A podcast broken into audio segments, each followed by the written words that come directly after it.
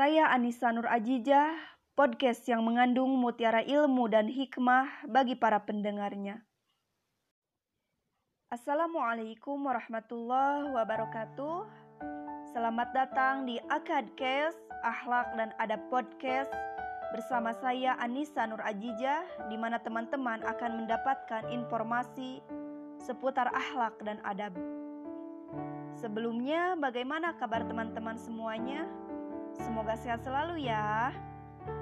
Pada kesempatan perdana episode kali ini, saya akan mengulas tentang suatu hal yang sangat urgent di masyarakat.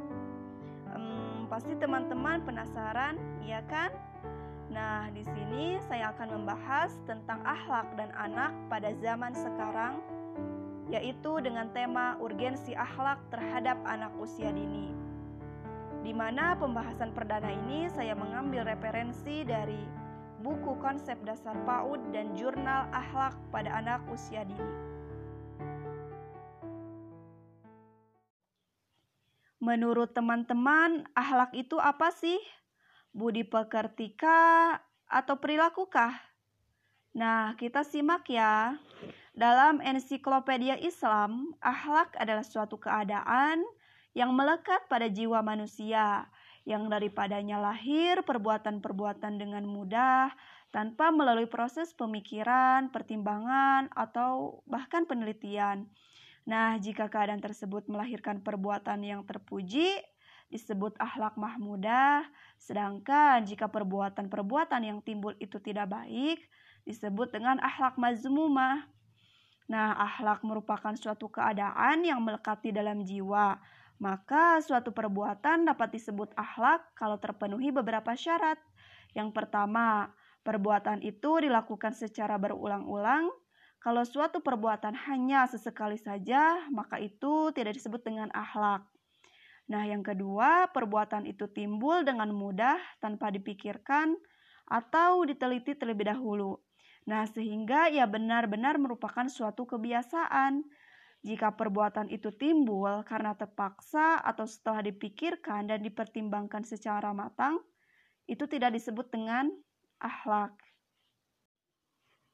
Nah, setelah kita mengetahui tentang pengertian dari akhlak itu sendiri, nah bagaimanakah dengan pendidikan akhlak pada anak? Nah, masa kanak-kanak adalah merupakan masa yang paling subur paling panjang dan paling dominan bagi seorang pendidik ataupun orang tua untuk menanamkan norma-norma yang mapan dan arahan yang bersih dalam jiwa. Berbagai kesempatan terbuka lebar untuk sang pendidik ataupun orang tua dan semua potensi bersedia secara berlimpah dalam fase ini dengan adanya fitrah yang bersih, masa kanak-kanak yang masih lugu, kepolosan yang begitu jernih, kelembutan, kelenturan jasmaninya, kalbu yang masih belum tercemari, dan jiwa yang masih belum terkontaminasi. Nah, apabila masa kanak-kanak dapat dimanfaatkan seorang pendidik ataupun orang tua secara maksimal dengan sebaik-baiknya, tentu harapan yang besar untuk berhasil mudah diraih pada masa yang akan datang. Sehingga kelak sang anak akan tumbuh menjadi seorang pemuda yang tahan dalam menghadapi berbagai macam tantangan, beriman, kuat kokoh, lagi tegar. Nah, dalam Al-Quran pun telah memberikan gambaran yang jelas mengenai pendidikan akhlak pada anak-anak yang tertuang dalam surat Luqman. Nah, yang pertama itu ada akhlak kepada Allah. Dalam Quran surat Luqman ayat 13 yang artinya dan ingatlah ketika Luqman berkata kepada anaknya, di waktu ia memberikan pelajaran kepadanya. Hai anakku, janganlah kamu mempersekutukan Allah. Sesungguhnya mempersekutukan Allah adalah benar-benar kezaliman yang besar. Nah, pada ayat tersebut mengisyaratkan bahwa seharusnya para orang tua mendidik anaknya untuk mengesahkan penciptanya dan memegang prinsip tauhid dengan tidak menyekutukan Tuhannya bahwa pesan tersebut yang berbentuk larangan, jangan mempersekutukan Allah untuk perlunya meninggalkan sesuatu yang buruk sebelum melaksanakan yang baik. Kemudian, anak-anak hendaklah diajarkan untuk mengerjakan sholat sehingga terbentuk manusia yang senantiasa kontak dengan penciptanya. Nah, Imam Al-Ghazali menjelaskan bahwa seorang anak yang telah mencapai usia tamyiz, maka hendaklah tidak dibiarkan meninggalkan toharoh dan sholat. Juga diperintahkan ber berpuasa beberapa hari di bulan Ramadan. Nah, Syekh Muhammad Syakir menjelaskan dalam kitabnya, sesungguhnya Allah mengetahui apa yang disembunyikan hambanya di dalam dadanya, yang dinyatakan dalam lisannya dan mengetahui semua amalnya. Maka bertakwalah kepada Allah, jangan sampai Allah melihat dalam keadaan yang tidak diridhoi, agar Allah tidak murka karena dialah yang menciptakan manusia, memberikan rizki dan akal yang digunakan untuk bertindak dalam bagai urusannya.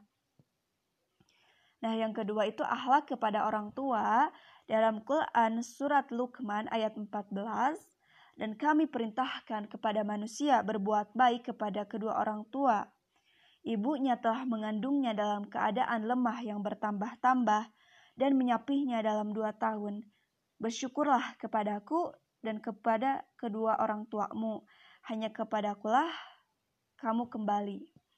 Nah, Islam mendidik anak-anak untuk selalu berbuat baik terhadap orang tua sebagai rasa terima kasih atas perhatian, kasih sayang, dan semua yang telah mereka lakukan untuk anak-anaknya. Al-Ghazali menjelaskan bahwa seorang anak haruslah dididik untuk selalu taat kepada kedua orang tuanya, gurunya, serta bertanggung jawab atas pendidikannya. Hendaklah menghormati mereka serta siapa yang lebih tua daripadanya, agar senantiasa bersikap sopan dan tidak bercanda atau bersenda gurau di hadapan mereka.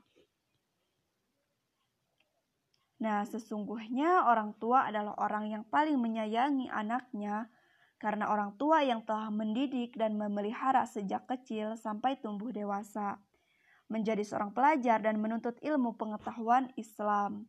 Oleh karena itu, terimalah nasihat dan petuahnya karena orang tua lebih mengetahui sesuatu yang akan dihadapi oleh anak-anaknya.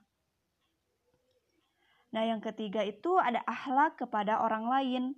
Dalam Quran surat Luqman ayat 18 menyatakan bahwa dan janganlah kamu memalingkan mukamu dari manusia karena sombong dan janganlah kamu berjalan di muka bumi dengan angkuh Sesungguhnya Allah tidak menyukai orang-orang yang sombong lagi membanggakan diri. Nah, ayat tersebut mengisyaratkan agar berbuat baik dan sopan santun dengan sesama manusia, yaitu dilarang untuk memalingkan mukanya yang didorong oleh penghinaan dan kesombongan. Kaitannya dengan kehidupan bermasyarakat, anak-anak haruslah dididik untuk tidak bersikap acuh terhadap sesama, sombong atas mereka dan berjalan di muka bumi ini dengan congkak karena perilaku-perilaku tersebut tidak disenangi oleh Allah dan dibenci manusia. Nah, Syekh Muhammad Syakir menjelaskan bahwa dengan orang lain dilarang menyakiti hatinya atau berlaku buruk terhadap orang lain. Nah, ketika orang lain sedang mendapatkan kesulitan dalam belajar dan bertanya pada seorang guru, maka dengarkanlah baik-baik jawaban guru tersebut Mungkin dengan demikian akan mendapatkan faedah yang sebelumnya tidak diketahui. Hindarilah kata-kata yang menyinggung dan menghina orang lain dengan menunjukkan wajah yang sinis karena kurang berkenan. Jika orang lain membutuhkan pertolongan, janganlah merasa berat untuk menolongnya. Jauhkan sikap membanggakan diri darinya mempunyai keutamaan daripada orang lain. Nada yang terakhir ada akhlak kepada diri sendiri dalam Quran Surat Luqman ayat 19, dan sederhanakanlah kamu dan berjalanlah lunakanlah suaramu.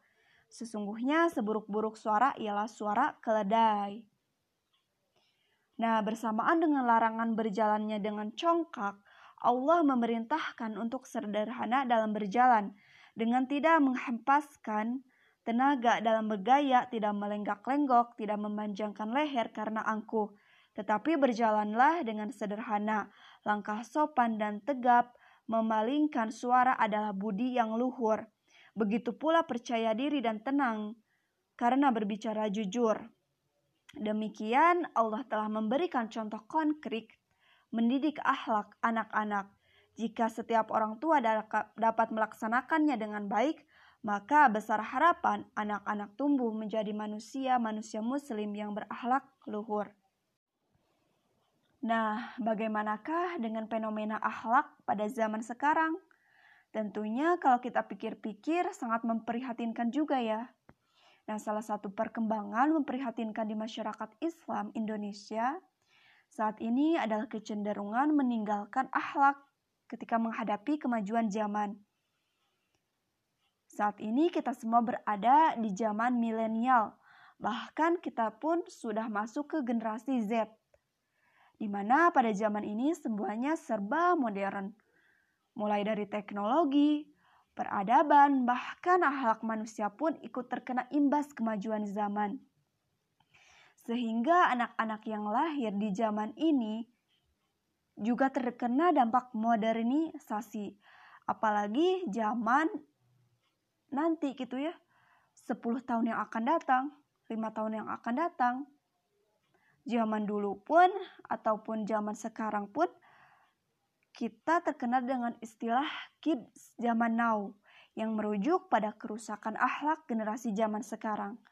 Jadi mungkin memang benar ya adanya pernyataan belakangan ini yang menyatakan bahwa kids zaman now adalah representasi dari rusaknya generasi. Nah, dengan adanya fenomena tersebut, mengapa akhlak sangat penting bagi anak usia dini? Pasti banyak orang yang bertanya demikian. Nah, pentingnya pendidikan akhlak sejak usia dini sangat penting di saat seperti ini, yang di mana zamannya dipenuhi dengan kemodernisasian. Semakin lama, budaya makin berkembang dan menyerap budaya dari luar, sehingga dapatnya terancam akhlak-akhlak yang masih murni.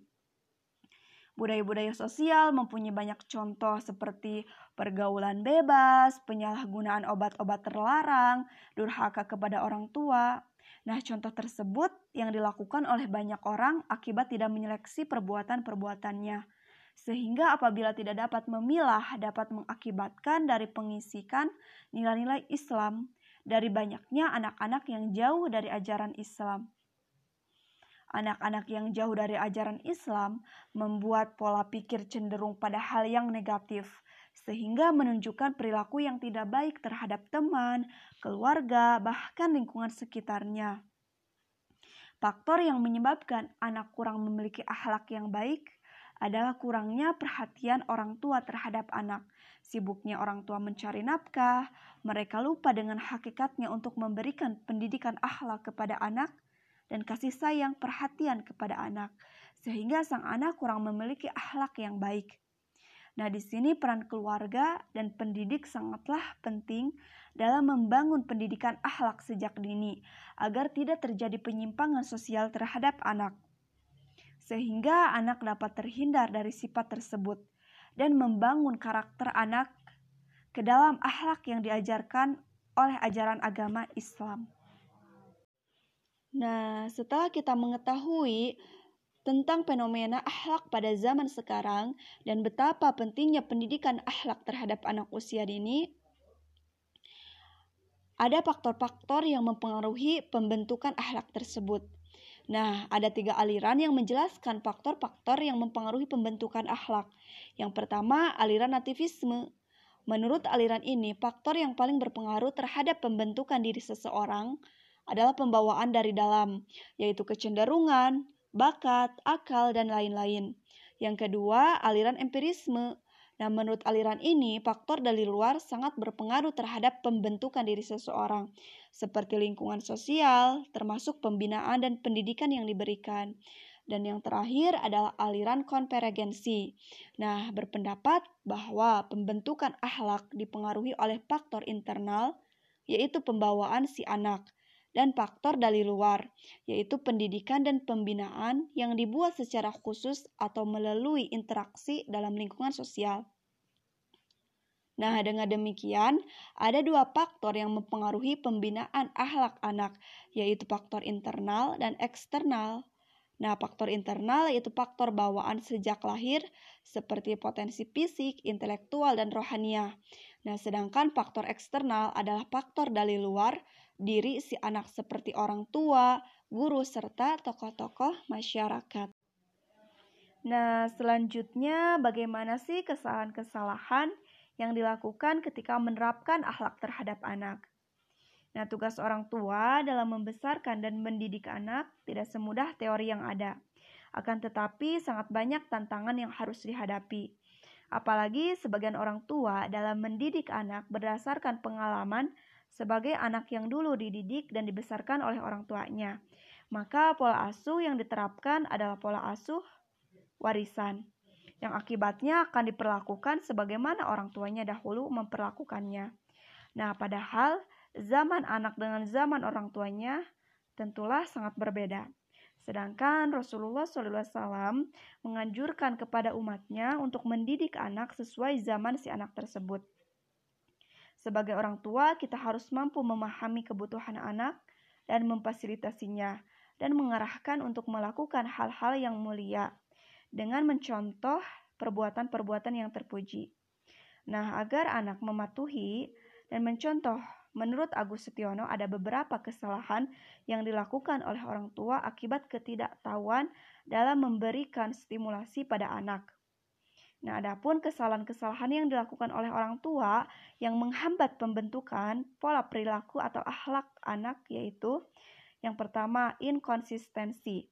Nah, sebagai orang tua yang menjadi teladan bagi anak, sikap konsisten dalam segala hal harus selalu dijaga. Karena jika kita mengajarkan kepada anak suatu kebaikan dan suatu ketika kita sendiri yang melanggarnya di depan anak, maka anak akan sulit mempercayai apa yang kita katakan. Yang kedua, terlalu banyak intervensi. Orang tua kerap kali melakukan intervensi pada anak yang mengakibatkan anak ketergantungan terhadap pertolongan orang tuanya. Nah, yang ketiga itu membanding-bandingkan. Nah, disadari ataupun tidak, orang tua kerap membanding-bandingkan kondisi yang dialami dengan apa yang dirasakan anak sekarang. Nah, pada seharusnya kita mengubah sudut pandang dengan berusaha menyelami apa yang anak-anak kita rasakan dan alami di zaman mereka. Pendidikan akhlak merupakan pendidikan nilai yang pertama didapat anak dari keluarganya. Nah, hasil penelitian Rahner menunjukkan bahwa pengalaman masa kecil seseorang sangat mempengaruhi perkembangan kepribadiannya. Pola asuh orang tua, baik yang menerima atau yang menolak anaknya, akan mempengaruhi perkembangan emosi, perilaku, sosial kognitif, dan kesehatan fungsi psikologisnya ketika dewasa. Nah, setelah kita mengetahui bagaimana kesalahan, kemudian faktor-faktor uh, pendidikan akhlak terhadap anak usia dini, kita pun harus mengetahui metode terbaik dalam mendidik anak. Nah, metode pendidikan anak menurut Nasir Ulwah, pendidikan yang pertama bagi anak adalah pendidikan dalam keluarga. Anak-anak yang terlahir dari keluarga yang baik dan teratur tentunya akan mempunyai masa depan yang cerah, menjadi generasi yang baik. Sebaliknya, anak yang tidak terurus dan kurang kasih sayang dari orang tua kemungkinan besar anak tersebut menjadi generasi yang tidak sesuai dengan harapan bangsa dan agama. Di samping itu, anak merupakan amanah dari Allah yang harus dijalankan oleh kedua orang tuanya. Jadi, orang tua harus benar-benar mendidik anak-anaknya secara benar agar ia mendapatkan kebahagiaan di dunia dan akhirat. Nah, adapun metode pendidikan akhlak adalah sebagai berikut. Yang pertama, metode keteladanan. Nah, anak-anak memiliki kecenderungan atau sifat peniru yang sangat besar.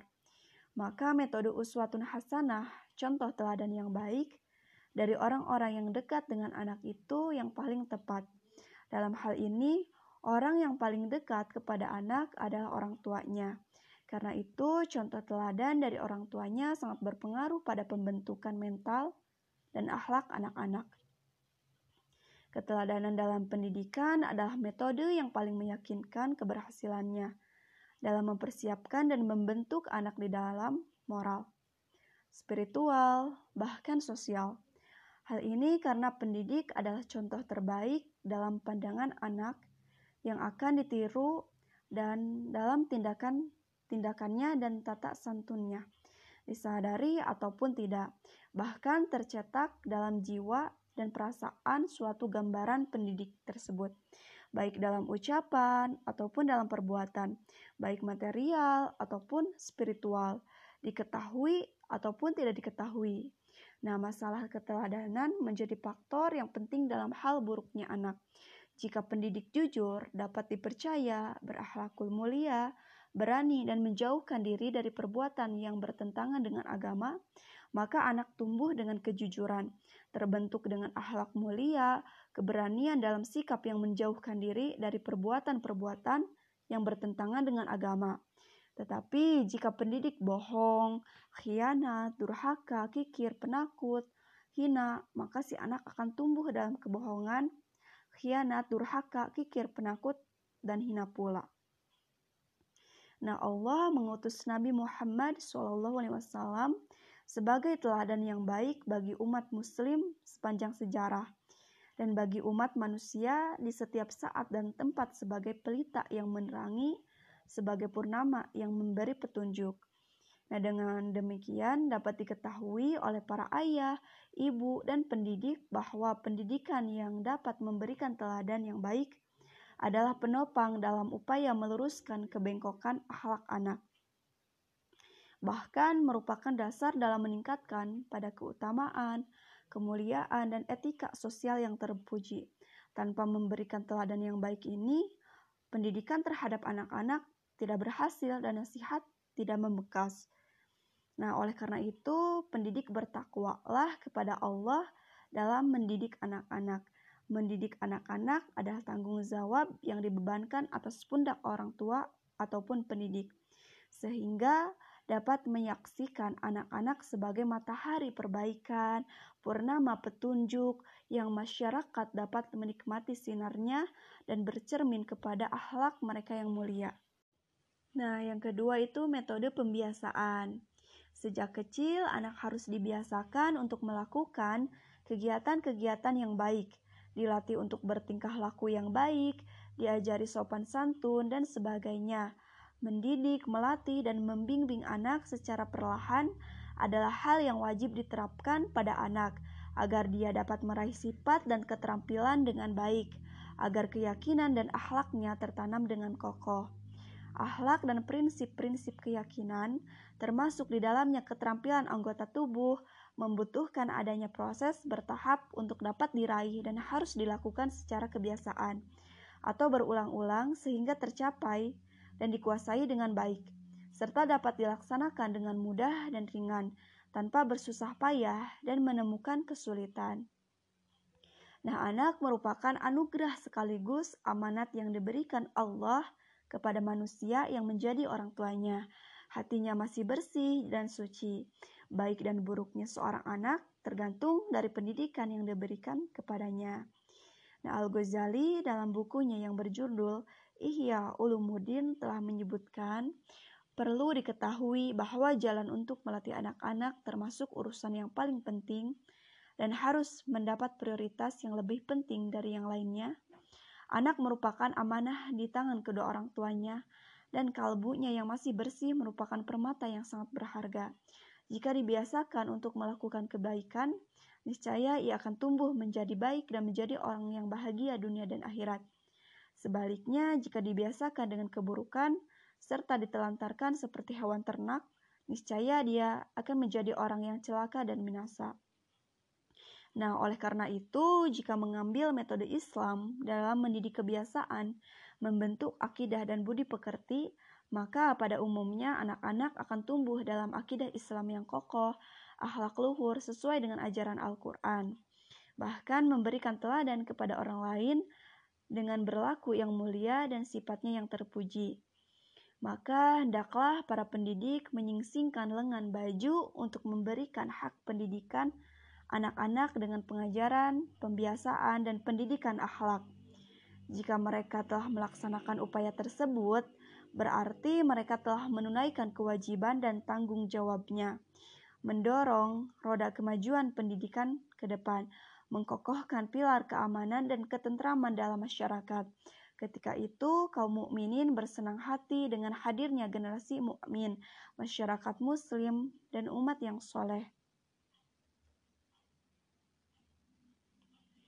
Nah, yang ketiga itu ada metode nasihat. Nasihat dapat membukakan mata anak-anak yang hakikat sesuatu mendorongnya menuju situasi luhur, menghiasi dengan akhlak yang mulia dan membekalinya dengan prinsip-prinsip Islam. Metode Al-Quran dalam menyerukan dakwaan adalah bermacam-macam. Semua itu dimaksudkan sebagai upaya mengingat Allah menyampaikan nasihat dan bimbingan yang semuanya berlangsung atas ucapan para nabi. Kemudian dituturkan kembali oleh para dai dari kelompok dan pengikutnya. Nasihat yang tulus membekas dan berpengaruh. Jika memasuki jiwa yang bening, hati terbuka, akal yang baik, maka nasihat tersebut akan mendapatkan tanggapan secepatnya dan meninggalkan bekas yang dalam. Nah, Al-Quran telah menegaskan pengertian ini dalam banyak ayatnya dan berulang-ulang menyebutkan manfaat dan peringatan. Sebagaimana Quran Surat Qaf ayat 37 yang artinya sesungguhnya pada yang demikian itu benar-benar terdapat peringatan bagi orang-orang yang mempunyai akal atau yang menggunakan pendengarnya, pendengarannya, sedangkan dia menyaksikannya. Nah, dan yang terakhir ada metode perhatian. Nah, metode pendidikan dengan perhatian adalah mencurahkan, memperhatikan, dan senantiasa mengikuti perkembangan anak dalam pembinaan akidah dan akhlak persiapan spiritual dan sosial. Selain itu juga bertanya tentang situasi pendidikan jasmani dan daya hasil ilmiahnya. Nah, metode perhatian ini merupakan metode pendidikan yang terkuat dalam pembentukan manusia secara utuh dan dapat mendorongnya untuk menunaikan tanggung jawab dan kewajibannya secara sempurna. Melalui upaya tersebut akan tercipta muslim yang hakiki. Sebagaimana Allah berfirman yang artinya, Hai orang-orang yang beriman, peliharalah dirimu dan keluargamu dari api neraka yang bahan bakarnya adalah manusia dan batu. Penjaganya malaikat-malaikat yang kasar, keras, dan tidak mendurhakai Allah terhadap apa yang diperintahkannya. Kemudian mereka dan selalu mengerjakan apa yang diperintahkannya. Quran Surat At-Tahrim ayat 6 Nah, selanjutnya itu ada pengawasan. Nah, strategi ini digunakan untuk menjaga agar tidak terjadi hal-hal yang tidak diinginkan. Karena manusia tidaklah sempurna, jadi kemungkinan besar selalu melakukan kesalahan-kesalahan. Penyimpangan-penyimpangan ini selalu ada. Nah, maka dari itu, sebelum kesalahan dan penyimpangan itu dilakukan lebih jauh, sebaiknya selalu ada usaha untuk diadakan pengawasan. Apalagi zaman sekarang, anak-anak sudah pandai memainkan gadget, dalam, dalam hal ini orang tua harus bisa benar-benar mengawasi. Karena kalau tidak diawasi nanti anak-anak bisa membuka situs-situs yang terlarang. Yang semua itu merusak moral dan akhlak anak. Nah, setelah kita mengetahui tentang metode-metode terbaik dalam menerapkan pendidikan akhlak pada anak, kita pun harus mengetahui bagaimana strategi pendidikan akhlak pada anak. Nah, Menurut Joni, strategi adalah suatu prosedur yang digunakan untuk memberikan suasana yang kondusif kepada siswa dalam rangka mencapai tujuan pembelajaran. Nah, strategi pendidikan mengandung pengertian rangkaian perilaku pendidikan yang tersusun secara terencana dan sistematis untuk menginformasikan, mentransformasikan, dan menginternalisasikan nilai-nilai Islam. Dengan adanya strategi ini menjadikan anak lebih terarah sehingga dapat membentuk kepribadian muslim seutuhnya. Nah, strategi pendidikan yang dapat dilakukan dalam upaya pendidikan atau pembinaan akhlak anak terdapat beberapa strategi yang digunakan. Di antaranya adalah sebagai berikut. Yang pertama, pendidikan secara langsung. Nah, pendidikan secara langsung ini yaitu dengan mengadakan hubungan langsung secara pribadi maupun secara kekeluargaan antara orang tua dengan anak, ketika dalam lingkungan keluarga atau guru dengan murid, ketika dalam lingkungan sekolah. Nah, cara dengan mempergunakan petunjuk, nasihat, tuntunan, dan lain sebagainya. Menurut Marimba, pendidikan secara langsung terdapat tiga macam, yaitu yang pertama teladan. Nah, tingkah laku orang tua atau seorang guru secara langsung ditiru oleh anaknya. Ketika orang tua mengajari perbuatan baik, anak akan mengikuti perbuatan baik tersebut. Tetapi jika anak diajari perbuatan jelek, seorang anak juga menirunya sesuai apa yang diajarkan oleh orang tuanya. Nah, dengan teladan ini akan muncul tentang penyamaan diri dengan orang yang diturunya. Nah, sehingga segala bentuk ucapan maupun tindakan orang tua ketika dalam lingkungan sekolah maka akan ditiru oleh anak-anaknya. Secara lambat laun, seorang anak itu akan mengetahui dengan sendirinya bahwa perbuatan yang ia lakukan adalah merupakan Kewajiban yang harus dilaksanakan tidak semata-mata karena mengikuti perilaku gurunya ataupun orang tuanya. Nah, yang kedua itu ada anjuran. Nah, anjuran itu saran atau ajakan untuk berbuat atau melakukan sesuatu yang baik dan berguna. Dengan adanya anjuran menanamkan kedisiplinan, melaksanakan kewajiban perintah agama pada anak, sehingga akhirnya menjalankan segala sesuatu dengan disiplin yang nantinya akan membentuk suatu kepribadian yang mulia. Nah, seperti dalam sabda Rasulullah bahwa seorang anak ketika masih umur tujuh tahun atau mungkin di bawahnya harus diajak untuk melaksanakan sholat lima waktu. Anak-anak hendaklah diajak untuk mengerjakan sholat sehingga terbentuk manusia yang senantiasa kontak dengan penciptanya. Nah, yang selanjutnya itu ada latihan. Tujuan dari latihan adalah untuk menguasai gerakan-gerakan dan menghafalkan ucapan-ucapan. Nah, orang tua ataupun guru harus selalu mengajari atau melatih anak untuk bertutur kata yang sopan, ramah, lembut, dan santun karena seorang anak mengikuti ucapan yang dilatih oleh orang tua maupun oleh gurunya. Tingkah laku seorang anak tergantung kepada siapa yang mengajarinya. Kalau anak tersebut dilatih ucapan ataupun perbuatan baik, maka anak juga menjadi baik dan sebaliknya. Dalam hal melakukan ibadah, kesempurnaan gerakan dan ucapan ini sangat penting. Misalnya seperti melakukan ibadah, sholat, Seorang anak harus dilatih gerakan-gerakan sholat tersebut dan bacaan-bacaannya. Karena jika tidak dilatih dengan gerakan ataupun bacaan, maka anak tersebut tidak bisa melaksanakan sholat dengan baik dan sempurna. Selain itu, juga dapat menanamkan sifat-sifat yang utama, misalnya kebersihan, keteraturan. Nah, jadi anak tidak selalu bergantung pada orang lain. Atau dilatih untuk mandiri dalam bahasa Jawa sering disebut dengan priatin, tidak selalu bergantung pada orang tua. Dengan adanya latihan ini diharapkan bisa tertanamkan dalam hati atau jiwa mereka. Nah, yang kedua itu ada pendidikan secara tidak langsung. Nah, pendidikan secara tidak langsung yaitu strategi pendidikan yang bersifat larangan atau pencegahan dan penekanan. Nah, strategi ini ada tiga macam, di antaranya yang pertama ada larangan. Nah, larangan ini merupakan suatu keharusan untuk tidak melakukan perbuatan yang bisa merugikan diri sendiri ataupun orang lain. Usaha ini merupakan tindakan tegas untuk menghentikan perbuatan-perbuatan yang sangat jelas kesalahannya. Larangan ini merupakan suatu perbuatan yang tidak pantas untuk dilakukan, seperti mencuri, berkelahi dengan temannya, dan lain sebagainya. Nah, perbuatan seperti ini harus dilarang sejak anak masih usia dini, agar ketika sudah dewasa nanti melakukan perbuatan yang dilarang oleh agama, merupakan suatu pantangan bagi dirinya. Strategi ini bertujuan untuk membentuk kedisiplinan atau perbuatan baik bagi anak. Nah, yang kedua itu ada hukuman. Nah, strategi hukuman ini merupakan suatu tindakan yang diberikan kepada anak secara sadar dan secara sengaja melakukan suatu kesalahan, sehingga dengan adanya hukuman ini, anak muncul rasa penyesalan dan tidak melakukan kesalahan untuk yang kedua kalinya. Hukuman ini menghasilkan suatu kedisiplinan pada anak. Pada taraf yang lebih tinggi, menginsyapkan anak untuk tidak melakukan suatu perbuatan yang dilarang oleh agama. Nah, berbuat atau tidak berbuat bukan karena takut hukuman, melainkan karena keinsyapan sendiri dan merupakan suatu ketaatan pada Allah dan selalu mengharapkan ridhonya. Nah, yang kedua itu ataupun yang ketiga itu ada hadiah. Nah, pemberian hadiah kepada anak tidak selalu berupa materi ataupun barang, Tetapi pemberian hadiah ini juga bisa berupa anggukan dengan wajah yang berseri-seri, acungan jempol, dan lain sebagainya. Itu semua sudah termasuk hadiah yang mempunyai pengaruh besar kepada peserta didik ataupun anak.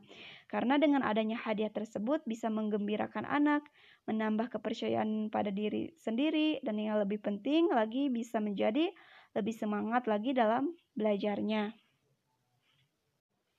Nah, jadi kesimpulannya bahwa penanaman pendidikan akhlak pada masa anak-anak sangatlah penting agar anak memiliki bekal untuk hidup selanjutnya.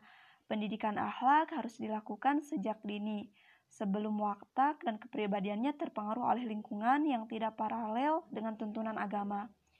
Oleh karena itu, dalam mendidik anak perlunya adanya perhatian khusus bagi orang tua maupun guru di sekolah karena baik dan buruknya perilaku anak bergantung pada pendidikan yang diberikan kepada anak tersebut. Jika anak tersebut dididik dengan akhlak yang baik, pasti anak tersebut menjadi anak yang baik, begitupun sebaliknya. Maka dalam hal ini perlu diadakan sebuah metode ataupun strategi khusus untuk mendidik anak, agar anak bisa menjadi manusia yang mempunyai akhlak yang mulia dan menjadi anak yang soleh dan soleha. Di antara metode pendidikan akhlak anak adalah metode pembiasaan, metode keteladanan, metode nasihat, dan metode perhatian. Kemudian untuk strategi pendidikan akhlaknya ini dibagi menjadi dua, yaitu pendidikan langsung dan pendidikan tidak langsung. Pendidikan langsung di antaranya adalah keteladanan, anjuran, dan latihan. Nah, pendidikan tidak langsung di antaranya adalah larangan, hukuman, hadiah, dan pengawasan. Nah, rekomendasi dan saran dari saya mengenai urgensi akhlak pada anak usia dini bahwa pembelajaran akhlak penting sekali ditanamkan pada anak didik sejak usia dini. Karena pada usia ini anak mudah sekali meniru apa yang mereka lihat dan dengar. Jika anak tidak dibina dengan pembelajaran akhlak terpuji sedini mungkin, maka pada masa perkembangan anak menuju kedewasaan akan membawa dampak yang lebih fatal lagi dan akan meresahkan masyarakat sekitarnya. Sehingga sebelum kita menerapkan akhlak terhadap anak usia dini, kita sebagai orang dewasa harus terlebih dahulu menjadi contoh yang konkret bagi anak. Kita harus bisa membiasakan diri untuk menerapkan akhlak-akhlak terpuji dalam kehidupan sehari-hari. Apalagi di hadapan anak kecil, kita harus tampil ideal dan sempurna karena pada masa kanak-kanak, anak mudah meniru dan menginterpretasikan sendiri apa yang mereka lihat dari orang-orang di sekelilingnya bagi kita yang belum menikah, cie menikah. kita pun harus bisa membiasakan akhlak terpuji dalam kehidupan sehari-hari karena kita apalagi seorang ibu akan menjadi contoh bagi anak-anaknya kelak. Karena anak pada zaman sekarang kita ini ya akan berbeda dengan anak pada zaman kelak. Maka ketika membiasakan diri menerapkan akhlak kepada anak, didiklah anak tidak seperti pada zaman kita karena kita tidak pernah tahu ya uh, 10 tahun yang akan datang dunia bakalan seperti apa gitu ya. Zaman sekarang pun kebanyakan orang sudah meninggalkan akhlak apalagi zaman yang akan datang. Maka perlunya pendidikan akhlak sedini mungkin bahkan sebelum kita mempunyai anak pun kita harus membiasakan diri menerapkan akhlak terpuji. Karena anak adalah cerminan dari orang tuanya. Cielah orang tua. Haha kita pun masih jomblo. Ya kan bro haha sabar lah nanti akan sah pada waktunya.